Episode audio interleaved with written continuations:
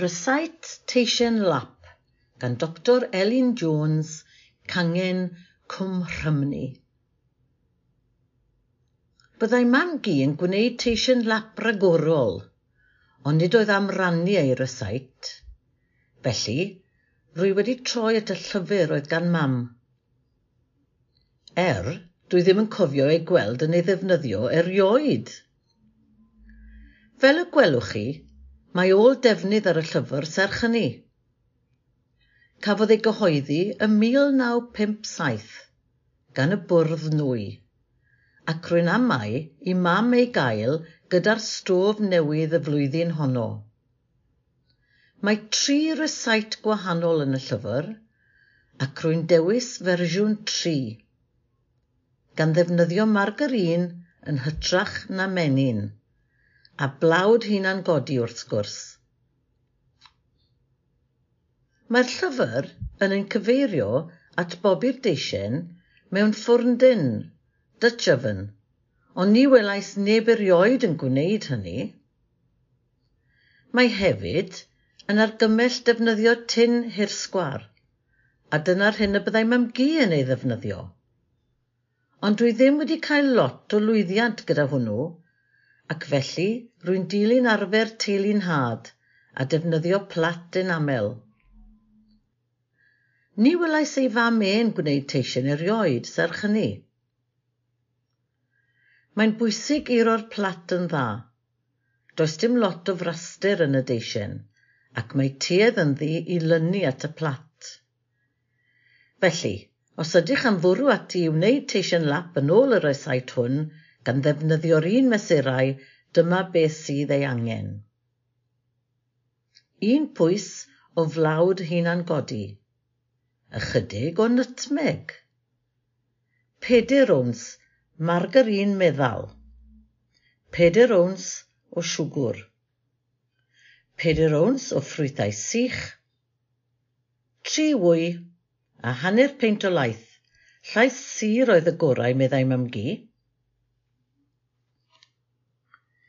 Twymwch y ffwrn wedyn i nwy pump neu trydan cant naw deg gradd Celsius, ac wrth iddo gyrraedd y gwres iawn, pwyswch y blawd ac ychwanegwch y margarin iddo.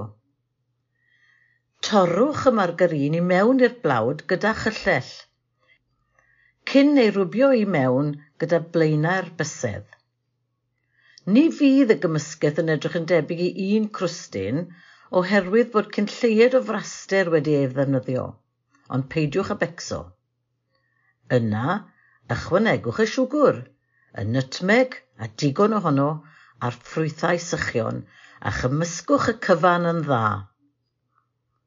Curwch y rwy wedyn a'i hychwanegu at y cynnyrch sych.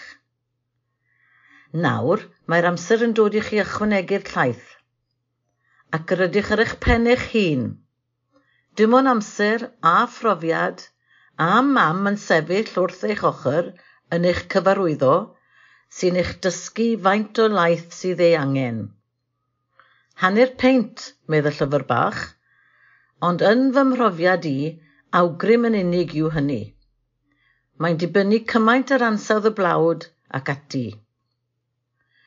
Beth bynnag am y mesuriadau, dyma'r hyn rydych eisiau ei weld yn y diwedd – cymysgedd eitha gwlyb sy'n cwympo'n hawdd oddi ar y llwy, ond nid yn allwys oddi arni. Yn ôl geiriadur Prifysgol Cymru, ystyr llap yn y Wenwyseg yw meddal a gwlyb, ac mae'n rhoi enghraifft bwrpasol i ni hefyd o'r dafodiaeth honno, sef cyfarwyddyd ar gyfer cymysgedd teisen lap. Gnaidd i'n llap nawr, ond paid o'n nithyr, i'n rhy llap chwaith. Felly dyna ni, i'r dim. Y cam nesaf yw rhannu'r gymysgedd rhwng y platiau, yn barod i'w rhoi yn y ffwrn. Ond cyn gwneud hynny, rwy'n hoffi teini siwgr dros wyneb y ddwy deisen.